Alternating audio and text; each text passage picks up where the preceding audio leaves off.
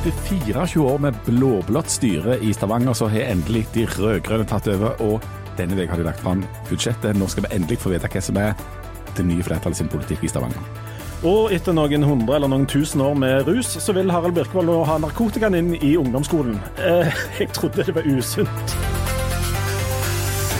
Nei, det er kjempesunt. det er kjempesunt. Velkommen til Aftenbladet. Vi har med oss eh, en kommentator som er sånn noenlunde oppegående. Hal Birkevold, velkommen. Takk, takk. Og så har vi med oss det vi jo må være ærlige og si, Leif Tor Linde, at det er deg. Og du er jo ikke veldig oppegående. Forrige gang så diskuterte vi din nye sykdom, helvetesild. Etterpå har det gått enda mer til helvete. Ja, det er vel en, hva skal vi si, en tilstand som tidvis lever opp til, til sitt navn og potensial, eh, må være lov å si. Altså, når du oppkaller en sykdom etter Satan, mm. eller der han bor, så, så, forplikter jo det litt. Grann. Ja. Og ba, Bare for å liksom rekapitulere for deg som måtte ha glemt dette, detaljene i, i din sykdom fra forrige uke, så var det sånn altså at Leif Tore Lindø han fikk utvikla helvetesild som svir og klør som bare helvete og gikk altfor seint til legen. Eh, så seint at det ikke fantes noen kur. Legen sa dette kommer til å gjøre vondt. Ja, altså, har det gjort vondt?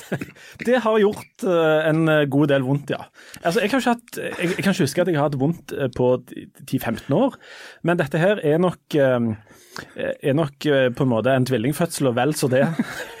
ja, og det som er, altså jeg vet ikke, jeg tror ingen kan anklage oss for ikke å ha et sånn empatisk og veldig sånn At vi liksom tar oss av hverandre og sånn hverandre. Nei, nei, nei. Og, og, ja, i det hele tatt tenker mye på hverandre. Og jeg har tenkt mest enorm skadefryd på deg. For det at eh, andre andre folk som f.eks. får utvikla helvetesild, de vil jo legge seg til hjemme og sutre. Men du reiste på turné til London med et rockeband, Slutface. En reportasje du kan lese om til helgen nå. Ja. Hvordan var det å være i London på rocketurné med helvetesild? Eh, du vet de der ideene som du har, og som du tenker eh, dette er en kjempegod idé, dette må vi bare gjøre. Mm. Og så kommer det en liten bump i veien, og så tenker du at ja, ja, det kan gå godt, det. Det er ikke sikkert det går så godt. Nei, det var altså Det var, det var, det var friskt å uh, reise på, på rockturné med helvete. Jeg, jeg, tenkte jo at det skulle være en litt sånn tøff ting. Jeg har jo ikke, ikke så mye tøft med meg, ikke sant. Nei. Det, det er rekkehus og søndagsskole og litt sånn halvtamt generelt. Ja. Tenkte Jeg har i hvert fall helvetesild som jeg kan by deg på. Ja. Men jeg satt stort sett rundt omkring og hadde det veldig vondt på sånne veldig kjipe plasser. Uh, noen av de plassene vi har, Når du sitter sånn backstage med disse her eh, bandene og sånn, for eksempel, så er det ikke sikkert det er stoler til alle, så du blir gjerne stående en stund når du skal bevege deg rundt omkring på ukomfortable plasser. Det var, og jeg hadde vondt stort sett hele tida. Ja, jeg, men jeg, bare for å gå inn i detaljene der litt. For etter det jeg forsto, mm. så, så, i den grad du fikk sitte, så satt du på en veldig spesiell måte. altså På en veldig sånn litt sånn måte, som at noen hadde lagt en slags stokk fordi at det var så vondt ma rundt magen? Ja, altså jeg har fått et svært utslett fra sånn bukselinningen og, og, noen nordover, eh, som gjør at hver gang jeg sitter, så har disse, disse svære betennelsene ligget og gnissa inntil bukser og drit og elendighet. Og når du da skal sitte i en tur Jeg er veldig glad for all sympatien for altså, Når du skal sitte i en litt sånn kjip og fuktig og trang litt sånn turnébuss fra London til Bristol, så må du ut i en slags Prøve å strekke deg litt ut. Ja. Men det var nokså nok beine seter og, og ikke all verdens plass til å gjøre dette, så jeg måtte jo bare sitte i en slags sånn vinkel og lite. Men jeg prøvde jo å bøye meg ut, og lagde nok òg ganske mange sånne litt sånn gammelmannslyder. sånn hvordan, De som driver på med rock, altså Slutface, som er et eh, Stavanger-band med, med, en viss uh, suksess rundt omkring, um, hvordan så de rockerne på, på deg? En søndagsskolelærer med skjegg som så ut som en tømmerstokk? Jeg tror nok det var, veld, nok det var veldig skuffende når du har sett sånne dokumentarer om sånne, eh, sånne kule rockejournalister som blir med på tur og sånn. Jeg tror jeg levde opp til omtrent null av de forventningene. Altså, Hunter S. Thompson var jo ja. den mest rocka av de alle, og han drev jo og, og girte ned på all slags dop. Doper, det, det, du, på, ja. du det på noen måte? Jeg har fått prøvd mye, men vi skal snakke mer om narkotika. Vi skal det. Men jeg har, jeg har altså der, der, leverte jeg. Jeg var nok den som dopa meg desidert mest på den turen, for jeg hadde ei hel øsje med Paracet hver dag. Eh, og, altså, du kan si mye om Paracet, men det har jo ikke noen sånn artige sånn dopingeffekter. Det, du blir bare litt sånn sløv og slakk. Det er dårlig dop. Ja. Det er dårlig dop, rett og slett. Og, og, i tillegg i dag, på morgenmøtet i dag, altså etter at han da har kommet tilbake på jobb, så fikk han høre om at det jo finnes mye bedre dop eh, og smertestillende i England, men det benytter du deg ikke av. Nei, jeg har hørt at hvis du går inn der på enhver eh, kiosk, så kan du få tak i riktig artig eh, narkotikum. Ja, du kan få kodein, men de selger de bare én pakke. Så hvis du vil ha det, så må du på en måte gå fra apotek til apotek. Kodein, hva det gjør med deg? Ja, Det er litt sterkere. Det, det er jo en variant av morfin. da. Akkurat. Det, det er- virker litt mer. dette det er kodein f.eks. i, i eh, Forte. Akkurat. Men, men som også, jeg har jo hatt dette ei, ei stund nå, og som vi også snakket om sist gang, den, den, det positive med å få helvetesild når du vanker litt i sånn kjedelige kristelige miljøer, sånn som jo jeg gjør, eh, er jo den enorme befrielsen det er i omgangskretsen rundt deg, der de får lov å si stygge ord uten at det på en måte er At det gjelder ikke, på en måte. Men er helvete egentlig et stygt ord? Nei, det er jo et sted. Ja, ja, men uh, hos oss brukes det i, litt sånn i faglig sammenheng, hvis du skjønner hva jeg mener. Eh, du kan ikke bare gå rundt og si 'å, helvete'. Eh, Du må liksom du må knytte det inn i noe mer bibelsk. Jeg har fått Si, du kommer til helvete, det kan du si. Det kan du si, for det er jo, det er jo mer en sånn type faktaopplysning. Ja, Eh, er jo- men, men uh, her har jeg hatt Det ganske er mange Jan skal. Ja, jeg har hatt ganske Ja. eh, veldig, jeg har hatt sånn renn av folk som, som i litt sånn sakralkristelige miljøer som kommer og sier ja, er det vondt? Er det Er, er det, er det er det et helvete? og så smiler de litt, så er veldig sånn befri. Jeg har også fått en del tekstmeldinger sånn Ja vel, hvor vondt er det? og så må jeg svare ja, det er et helvete, eller sånn.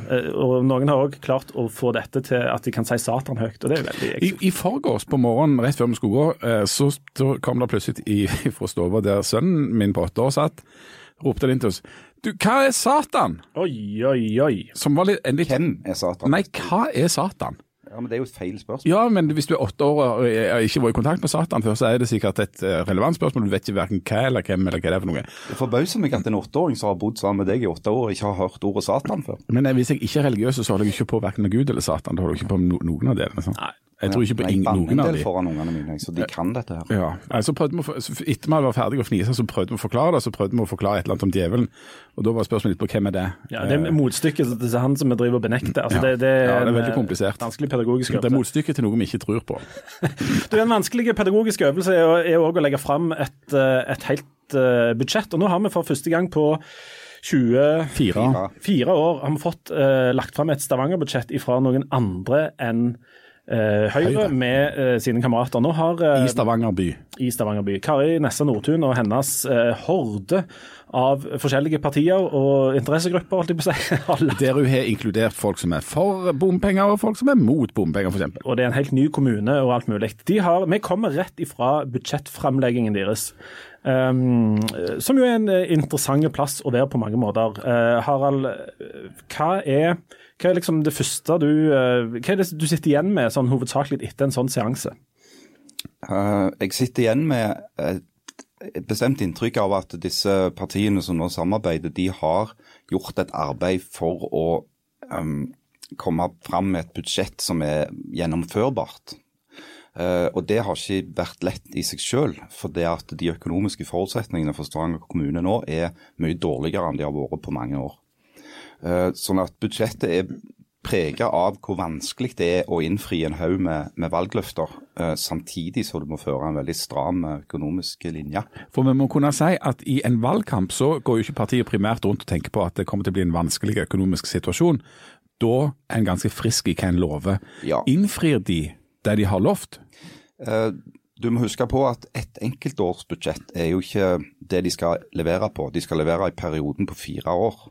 Eh, Sånn at det er nok litt for tidlig nå å vurdere om de klarer å innfri. Eh, Men det er helt åpenbart et, eh, en utfordring. Altså Jo flere partier som skal være med i en sånn samarbeidskonstellasjon, jo flere hjertesaker er det som skal inn i programmet. Og de hjertesakene er alltid, nesten uten unntak, ting som koster penger. Det fører til at du skal bygge ting. Da koster det noe å bygge de, og så skal de driftes for all tid framover. Eh, Du skal ansette flere folk. Det koster penger, så det vet jo alle. Eh, Sånn at de løftene som er gitt, eh, er mange og dyre. Og så har de valgt i 2020, da, som dette budsjettet skal gjelde for, å, ha, å satse mest på barn og unge. Og oppfylle de løftene som de har gitt når det gjelder det. Og Det er klart at det koster penger hvis du skal gjøre SFO gratis for førsteklassinger. Du skal bygge en ny eh, barnehage. Du skal pusse opp to skoler. Dette er dyre ting. I tillegg så skal du øke grunnbemanningen i barnehagen. Vi snakker om 18 stillinger, tror jeg. Eh, Det er klart at Alle disse tingene koster penger, og de må de finne og kutte andre steder for å få, få tak i. Og det er det jo sånn at de siste, Den siste uka har de som gode spinndoktorer presentert den ene gladsaken etter den andre. Mm. Gratis SFO, søskenrabatt for uh, et eller annet. Vi har vel hoppet på det som er av sånne? Vi, vi sitter var liksom en sånn agn eller ei flue, eller hva det var for noe, så vi har jafsa de oss. og kjørt ut. Og Det interessante med sånn en dag som i dag, er jo at da for første gang så må jo du begynne å lete etter de dårlige nyhetene. For hvordan finansierer de dette, hvem er det som får kutta? Hvordan finansierer de dette, og hvor kommer kutta? Det kommer, jeg vil si at De har kutta litt med, med ostehøvelprinsippet. altså Noen hundre tusen der og et par millioner der. Og, og lagt sammen og funnet ut at OK, dette kan kanskje gå. Eh, men i tillegg så må du ikke glemme at eh, kommunen òg tar opp lån. Eh, ytterligere lån. De tar riktignok opp mindre lån enn det som ble gjort i forrige periode under Høyre og Fremskrittspartiet. Men de tar opp lån.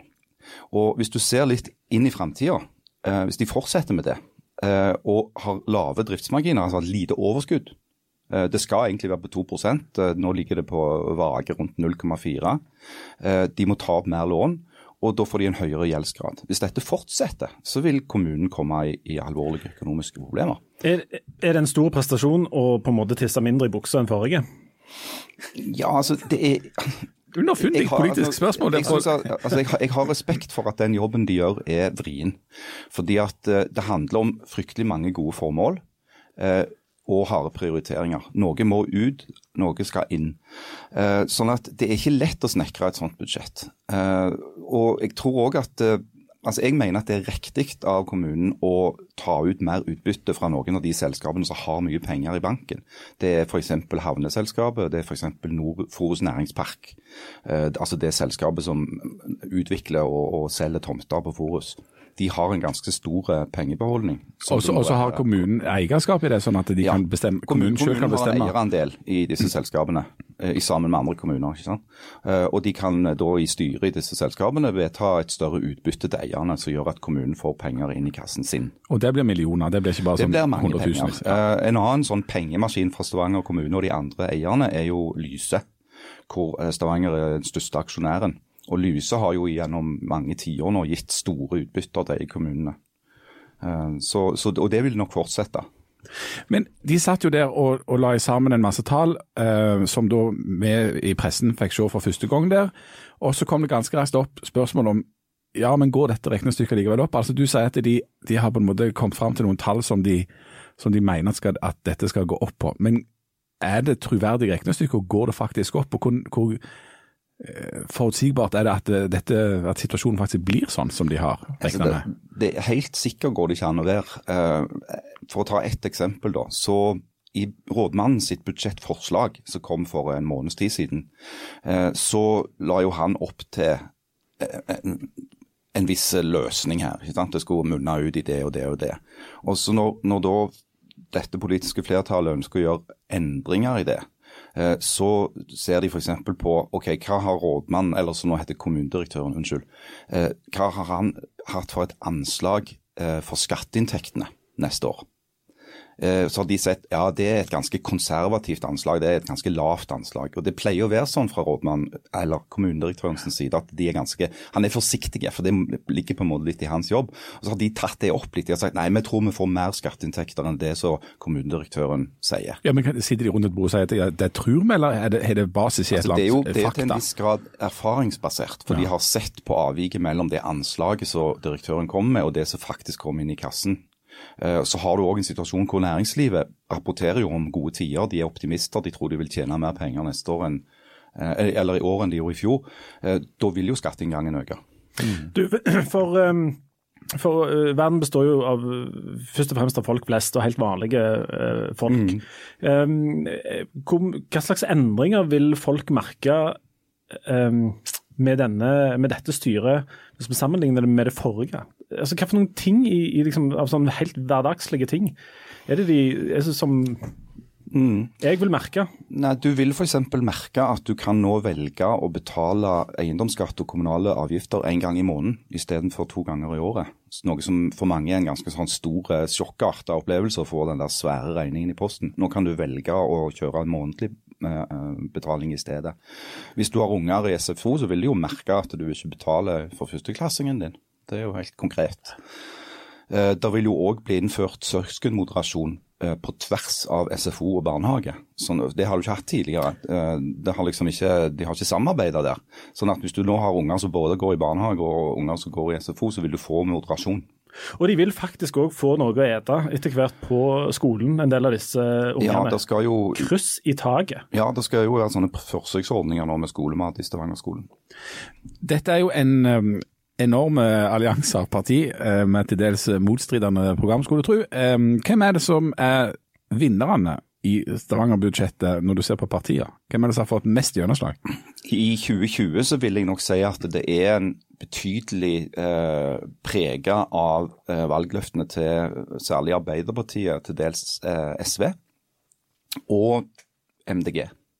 Eh, de har fått tydelige gjennomslag når det gjelder klima, skole Eh, de som kanskje har fått litt lite avtrykk foreløpig, det er særlig kanskje bompengepartiet. Men da gjelder det å huske på at det er bare så mye Stavanger kommune kan gjøre med bompengene. For de ligger jo hos eh, i dette samarbeidet, Bymiljøpakken. Så der må Stavanger, Sandnes, Sola, Randaberg og Rogaland fylkeskommune være enige før det blir noe vedtak. Så de som sier at det, um, FNB ikke har fått til noe i dette budsjettet, de, de må huske på at det er ikke dette budsjettet det ligger. Men tror du at det hjelper blant velgerne til FNB? Jeg vet ikke, men, men det er iallfall det som er sannheten. Ja, for jeg la merke til at uh, Frode Myrhol han snakket om at de hadde fått gjennomslag, eller det hørtes ut som det de hadde fått gjennomslag for, var at det skulle sendes en forespørsel til kommunedirektøren, tidligere rådmannen, om at han skulle utrede et eller annet. Ja, det var nokså ulne greier. Men, ja. men, jeg har en viss eh, medfølelse da med Myrhol og, og, hans folk, for det at dette er faktisk ikke Stavanger kommune som bestemmer. Det må alle kommuner på Jæren være enige om. Mm. Du, vi, på vei ned her så snakket vi Jan litt om eh, Jeg snakket vel mest, og så Jan hørte etter, hyggelig og høflig som han er. Mm. Men jeg begynte å filosofere litt over hvor mye penger som, som faktisk flyttes. Altså, hvis vi, Når vi erstatter stort sett det som finnes eh, på høyresida med det som finnes på venstresida. Um, i Stavanger kommune, som har et budsjett på er det fem milliarder eller et eller annet sånt? Det er mange penger. Ja, mange penger. Um, så kan en få inntrykk av at nå hiver vi alt opp i lufta, og så flytter vi alt. Men i realiteten så er det vel en enormt liten andel eller prosentdel av dette budsjettet som faktisk flyttes på. Ja, altså I et kommunebudsjett så er jo den, altså de svære, tunge postene det er jo lønn til alle de ansatte. Og så er det jo drift av alt det som kommunen har ansvar for. Ikke sant? Av skoler og eldreomsorg. og Eh, sånn at veldig mye av midlene i et eh, vanlig budsjett er fullstendig låst og kan ikke flyttes på eh, av politikerne. Det er helt riktig. Det er et, en annen ting også som ble snakket litt om der oppe, bl.a. av Mimir Kristiansson, som nevnte så Det er en viss sånn eim av at kommunen skal gjøre en del ting sjøl mm. istedenfor at private skal gjøre det. Det handler om, om eh, bruk av bemanningsbyråer, konsulenttjenester, utbygging eh, på um, kommunale tomter osv. Um, det virker ganske lett for høyresida å, framstille dette som et sånn, eh, litt sånn fiendtlig innstilt budsjett mot privat næringsliv. Mm. Er det et element av det oppi dette? Ja, ja, det må man kunne si at partiene på venstresida er jo mer, kall det da, fiendtlig innstilt til inn, altså at private går inn og gjør ting som det offentlige tidligere har hatt monopol på. Det må vi vel kunne si. Uh, den debatten har jo dreid seg om private barnehager, nå dreier den seg om privat omsorg. Uh, når det gjelder innkjøp av tjenester, så er det litt annerledes. fordi at Her er det jo snakk om at Stavanger kommune, som veldig mange andre, særlig de store kommunene, bruker svære penger hvert år på å leie inn konsulenter. Fordelen med konsulenter er jo at du ikke trenger å ansette dem, så du har ikke eh, sosiale kostnader, trygder og, pensjonsutgifter. Eh, men denne nåværende posisjonen i Stavanger mener jo da at eh, mye av de konsulenttjenestene er veldig dyre, og at det går an å gjøre det minst like bra med egne fast ansatte. Og Det får vi jo se, da. Eh, en annen ting som kommunen nå, nå, altså dette flertallet ønsker, er jo å se om de vil få ned sykefraværet ved å ansette flere i faste, hele stillinger. Eh, foreløpig er det et litt sånn religiøst trosspørsmål, for det har ikke blitt egentlig målt særlig nøye. Det ligner litt på høyresida sin tro på at hvis du kutter skattene, så vil det eh, føre til økt økonomisk aktivitet. Det er òg et religiøst spørsmål, nærmest. Så vi får se. Rent sånn politisk, skal vi gå inn for landing snart på akkurat dette temaet. Tror du at de som stemte fram dette nye flertallet, kommer til å bli glad for det budsjettet som blir lagt fram for neste år? Det er vanskelig å si. Jeg, jeg, tror nok de fleste som er politisk interessert og har gått og stemt, eh, er klar over at eh, når noen er valgt inn i et kommunestyre, så er de valgt inn for fire år og ikke ett. Så jeg tror det vil være relativt enkelt for de å si at dette er bare begynnelsen, det kommer mer. Eh, men så er det jo selvfølgelig sånn at uh, særlig de partiene som, har, som, er litt sånn aktivistiske av seg, uh, har ofte altså Da tenker jeg f.eks. på Miljøpartiet og på Bompengepartiet. Til dels på Rødt, har litt sånn utålmodige velgere. De vil, de vil jo ha endringer nå. Mm. Folk som er mot bompenger, vil ha de vekk nå. Folk som vil ha cruiseskip og ut av Vågen, vil ha de ut nå. ikke i 2023. Mm. sånn at, og de spørsmålene vil de få. Ja. Du, eh, Jan, du, også, eh, du interesserer deg jo i marginene i dette. her, men En annen ting vi snakket om veien her, var at eh, venstresida er jo tradisjonelt eh, på en måte sida til kulturlivet. Kunstnerne og alle de. Eh, som jo stemmer på liksom, røde partier. Og Da er det en forventning om at når de kommer til makta, så, så åpnes, der, åpnes portene til et land av melk honning og ikke minst eh, midler. Non-figurativ kunst. ja, jeg, det, jeg, hvordan gikk det? Ja, Jeg innrømmer at vi er i marginene nå, men, men samtidig ikke, ikke, veldig få, er nok ikke veldig mange som er opptatt akkurat av kulturpolitikken der. Nei, interessant nok. Eh, I løpet av hele denne presentasjonen så nevnte ikke det nye flertallet i Stavanger kultur med ett eneste ord. Nei, Men det var skrevet masse om det, da. Det var ikke skrevet ett eneste ord om det i det dokumentet de delte ut. Og når vi gikk inn og fant tallene Men de gir vel penger til det, da? I den grad det ble nevnt, så ble det altså kutta i kultur. Så jeg er veldig, det skal bli veldig spennende å treffe på eh, kulturlivet som har stemt fram dette nye flertallet. Er, så langt så har de ingen kulturpolitikk utover å kutte. Ja. Men det er jo en slags politikk, det, da. Det er en slags politikk, det òg. En annen ting de var lite grann bekymra for der oppe, disse politikerne, var eh, liksom situasjonen for ungdommer i, eh, i, distriktet som handler om eh, vold og rus, bl.a. Og der, eh, Harald Birkevold, har du nå slått et slag for å gi alle ungdommer masse narkotika, masse informasjon, mm. og satse på at det går kjempegodt. Eh, du har skrevet en eh, kommentar i Aftenbladet som, eh, der du inntar den ja, Det er det som jeg tenker på som, som den moderne hipster-inngangen til narkotika. Nemlig la det flamme, legaliser det, bruk det og kos deg med det. Hvorfor i all verden vil du at alle ungdommer på alle 12-13-åringer skal drive med masse narkotika? Mm. Du har, du, har, du har, lest saken, hører jeg. Ja, definitivt. Det siste tabu. Veldig bra ja. sammendrag der. Nei, du jeg... Ikke prøv å bortfor... Nei. Nei altså, uh, jeg vil ikke at unger skal holde på med narkotika. Uh, langt derifra. Uh, det jeg derimot vil, er at de som gir råd til barn og unge om hva de skal gjøre hvis de allikevel gjør det, skal opptre litt mer i på en måte synk med virkeligheten. Og Det syns jeg er noe av problemet med en del av den informasjonen som barn og unge i dag får om rusmidler, lovlige og ulovlige, er at han er prega av uh, en voldsomme svart-hvitt-tenking. En voldsomme skremselspropaganda. Eh, jeg tok i den kommentaren utgangspunkt i et møte som denne såkalte Norsk Narkotikapolitiforening, som ikke er politifolk, men mange av de er tidligere politifolk, hadde på Bryne. Tittelen på det eh, møtet var 'Barnet ditt ruser seg'. Altså, ungen din går på dop. Eh, tallene for Time kommune viser at 3% av ungdomsskoletrinnet i den kommunen har prøvd cannabis én eller flere ganger i løpet av det siste året altså 300. Hvis du snakker om sterkere stoffer enn cannabis, så må du ned på promillenivå.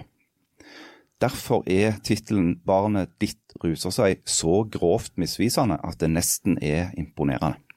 Men, men, folk stilte jo opp, det var stappfull brakke på Bryne for dette. Så det må jo være en drøss med nervøse foreldre som tenker at oi, min unge må være en av de tre prosentene. Ja. Hva for noen foreldre eh, er det som tar sjansen på å være han eller hun som ikke gidder å gå på et informasjonsmøte om at ungen deres ruser seg i hjel.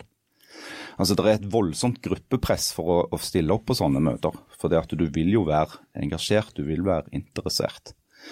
Uh, og jeg syns for så vidt at det er fint at folk går mann av huset for å få informasjon om hva du skal gjøre hvis barnet ditt uh, er i den situasjonen at det kan komme i kontakt med ulovlige rusmidler. Men Da blir det neste spørsmålet hva er kvaliteten på den informasjonen de får? Og det, Sånn som jeg leser dette, som jo da eh, jeg Som fanden leser Bibelen. Eller som avholdsmann. Som avholdsmann. Mm. Nei, men dette det eh, virker jo som du, du tenker litt om, om, den informasjonen som um, ungdommer da får om narkotika, er litt sånn som på en måte seksualundervisningen for 50 år siden. Det er helt riktig. Ikke pul, for da blir du gravid, får kjønnssykdommer og må konfirmere deg borgerlig. Uh, den som lyver, den stjeler. Den som stjeler, kommer i fengsel. Den skal, gjøre, så videre. Ja, og så videre.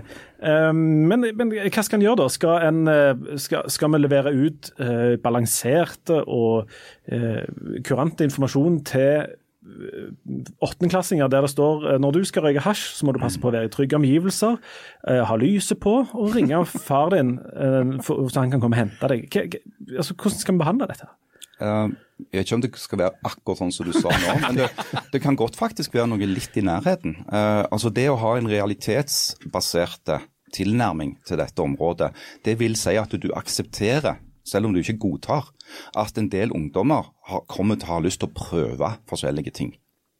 Uh, en parallell er jo f.eks. at du i nå, hvis du er en 14-15 år gammel jente, kan gå fullt trygt til lege og få prevensjon selv om du er under den seksuelle lavealderen. Du har ikke lov å ha sex, men du kan få prevensjon.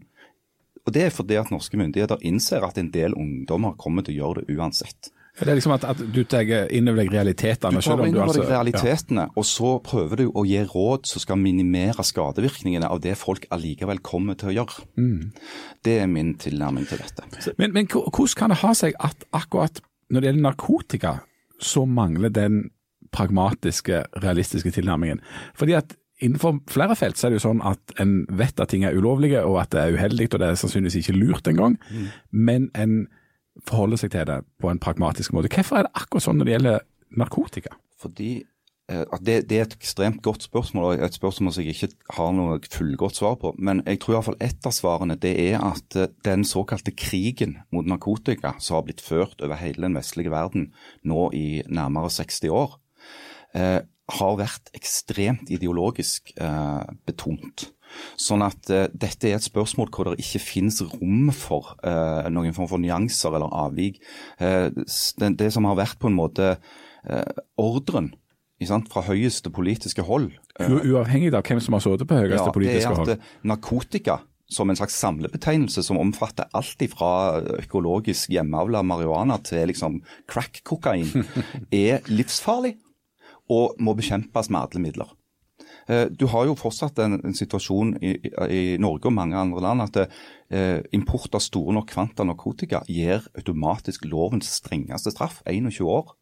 Mens de fleste som blir dømt for overfallsvoldtekter og den slags, drap til og med, eh, får jo langt lavere straffer enn det. Så Det viser jo noe hvordan lovgiverne har sett på dette. Dette er det verste du kan holde på med. Ja? Eh, og Derfor har du òg mye folk i politiet som, som, ser på dette som sin viktigste jobb. Det er å holde narkotikaen vekke fra gatene, og særlig vekke fra ungdom. Eh, og de, ser jo òg skjebnene. Sant? De ser skyggesida av rusmiddelbruken. Eh, det samme gjør de i psykiatrien. Eh, det er ungdommer som ligger på, på, psykiatrisk avdeling her i Stavanger nå, som har fått psykoser pga. at de har brukt store mengder cannabis. Særlig denne syntetiske varianten som har kommet på markedet de siste åra. De som er behandlere der, de ser de. Mm. Ja. De ser ikke de 98 av de som røyker cannabis, som aldri utvikler en psykose. Ja. Det er litt sånn at Hvis du er en hammer, så har du en tendens til å se på alt rundt deg som spiker. Mm. Og Samtidig så har det vært presseoppslag om at det er endringer i holdningene blant de unge sjøl. Mm. Og det, det, De endringene er interessante. for det, det, det, blir meldt at flere unge tror at uh, cannabis nå er legalisert, uh, som det jo ikke er. Uh, det kan være at det skyldes en misforståelse i at når det gjelder altså Narkopolitikken i Norge fikk et, et, en sånn dramatisk omdreining for ikke så lenge siden. hvor ansvaret for uh, oppfølging av narkomane skulle overføres fra uh, politiet til helsevesenet. Uh, en skal ikke lenger politiforfølge slitne narkomane. En svært klok beslutning, mener jeg, fordi at dette har vært helt uverdig. Og heller ikke gitt noen resultater å snakke om. Uh, og Det har kanskje ført til at en del tenker at ja, hvis ikke det liksom er en politisal lenger, så er det lov. Men det er en misforståelse. Uh, det er nok òg at du i populærkulturen sånn at du kan På nesten en hvilken som helst amerikanske TV-serie så er det en eller annen som sitter og røyker en joint. ikke sant? Uh, og det er jo blitt legalisert i noen amerikanske stater nå. det er jo i ferd med å bli legalisert òg i mange europeiske land, eller i alle fall avkriminalisert. Sånn at det, det, er vel, det, er vel, litt det at norske ungdommer kanskje blir litt forvirra av at det er så ulik praksis av reglene. Men er det noen som helst grunn til å tro at det vil bli endringer i lovgivning eller i hvordan det norske samfunnet, de voksne som bestemmer, tilnærmer seg dette her? Der er, der er, jo ting altså I visse kretser så er det jo en bevegelse, eh, særlig hos ungdomspartiene. Og Hvis vi da antar at eh, de som i dag er ledere i ungdomspartiene kommer til å komme i ledelsen i voksenpartiene senere, så kan du jo tenke at det kan skje. Eh, jeg tror det som kommer til å, å skje eventuelt, iallfall ikke at det blir en legalisering. Det tror jeg heller ikke er smart. Men en avkriminalisering i større grad når det gjelder enkelte stoffer, tror jeg kan være politisk eh, reelt. Men er det ikke sånn at for hver, eh, for hver sånn skanse som ryker, så er det en liten sånn fallitterklæring overfor liksom hele dette narkotikakomplekset? At, mm. hver, at vi på en måte gir opp kampen litt da, når vi begynner å, å, skal gjøre disse tingene. Altså, Narkotika er i utgangspunktet nokså usunt, har jeg inntrykk av. Jeg har ikke drevet mye med det. Som sagt, Min rekord er en pakke Paracet, mm. men det er nokså usunt. Og jeg tenker at færrest mulig egentlig bør holde på med det. Mm. Så er det noen som gjør det. Men hvis vi skal begynne å på en måte normalisere alt dette her greiene, bare behandle det som på en måte tørr informasjon for 12-13-14-15-åringer, um, er det ikke en skanse som ryker da? Eh, jo, det er det. Men la oss se litt i, i speilet, da, bakspeilet. Eh, nå har denne krigen mot narkotika vært ført eh, med full styrke eh, i eh, mange altså generasjoner. Eh, du får eh, lange fengselsstraffer. politiet har brukt enorme ressurser. holdningskampanjer har blitt ført. Hva er resultatet? Det er mer narkotika på markedet i den vestlige verden enn det har vært noen gang. Tilbudet er større. Etterspørselen øker.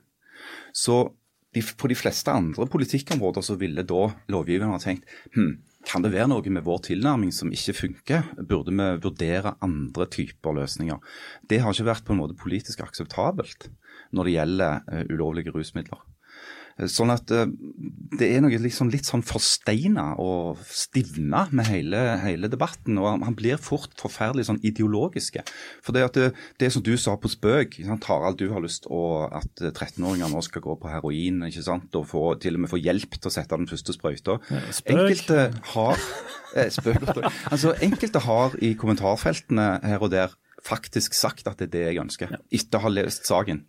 Uh, og, altså Hvis folk er i stand til å misforstå den teksten til de grader, så tror jeg det skyldes at dette er en sak hvor det er veldig mye ideologi ute og går. Det er òg mye svogerforskning, og det er mye sånn anekdotisk fortelling om jeg kjenner en som ja. sånn. Og jeg har jobbet uh, jeg jobbet på Syk for 20 år siden og så mm. en som hadde røykt og sånt. Og det, det, er vel noe av problemet, at de eksemplene som kommer der er så hjerteskjærende og så vonde at de på en måte er vanskelig å argumentere mm. litt sånn rasjonelt mot, rett og slett. Mm. Og så når du sier at hvor langt skal du gå i å eh, på en måte informere eh, om rusmidler? Og Det er jo et vanskelig spørsmål.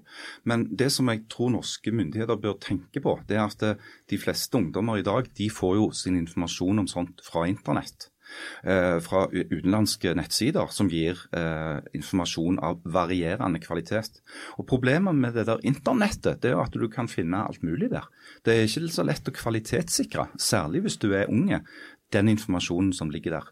Eh, hadde det kanskje vært en idé å kvalitetssikre og på en måte sette et offentlig godkjentstempel på den informasjonen? Det tror jeg er noe som vi bør vurdere. OK, det nærmer seg helg. Vi nærmer seg avslutning. Før vi slutter, så vil jeg gjerne da vite Harald Birkevold og Leif Tore Lindø, hva skal dere ruse dere på i helga? Harald, blir det kokain, blir det heroin, eller blir det bare vanlige crack? Nei, For min del så blir det nok et uh, blandingsmisbruk. Uh, vil jeg tro. Jeg begynner med litt uh, sopp i kveld, kanskje. Litt hallusinogener, og så gå over på, på tung, tung rødvin fra Medoc ja. på lørdag. Og så gå inn for landing på noe, et eller annet lykkepiller eller noe sånt på søndag, tenker jeg. Ja, det er jo veldig greit. Jeg, jeg, min rus de siste to, tre ukene har jo vært å kunne si helvete uten å komme til helvete, som jo er en slags alternativ variant. Men jeg har nå jeg har et vanvitt I morgen, da jeg eh, da, da, tar jeg den helt ut. Da skal jeg eh, Tenkte jeg å stå opp veldig tidlig og så kjøre ut til Kvadrat eller et eller annet sånt. Og så skal jeg stå og, og lukte på stresshormonene til de som er på sånn Black Friday, som skal handle seg opp. De, folk som skal kjøpe 18 soveposer til 19 kroner og sånn.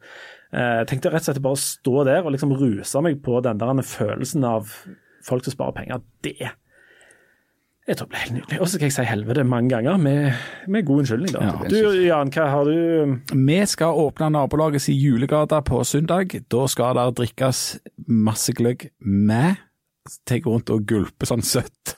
Ja, men skal, Har du sprit i gløggen? Ja. ja. Så det blir et flott familiearrangement. Ja, det blir det. Ja. Så dere går for den, eh, den, sanksjonerte og eh, vanlige og mest eh, aller, aller, aller farligste formen for narkotika, nemlig Alkohol. alkohol ja. ja. For det, det, er helt greit. Ja, det har du lov å, reklamere for. Er, ja, det er lov, faktisk. Nei, det er ikke lov å reklamere for det. Jo, her i denne podkasten. Bare drikk sprit, folkens. Ja, ja, ja, i podkasten, men ikke i Norge. Ikke i Norge, Nei, nei. Det, det er ikke lov å, å, å, markedsføre det i Norge, men i denne podkasten er det lov. Ja, ja. Du, Vi er tilbake om ei uke. Da skal vi se kanskje vi vet jo ikke, kanskje, kanskje Harald har funnet ut at vi skal informere ungdommer om hvordan de skal knivstikke hverandre under ungdomsskolen.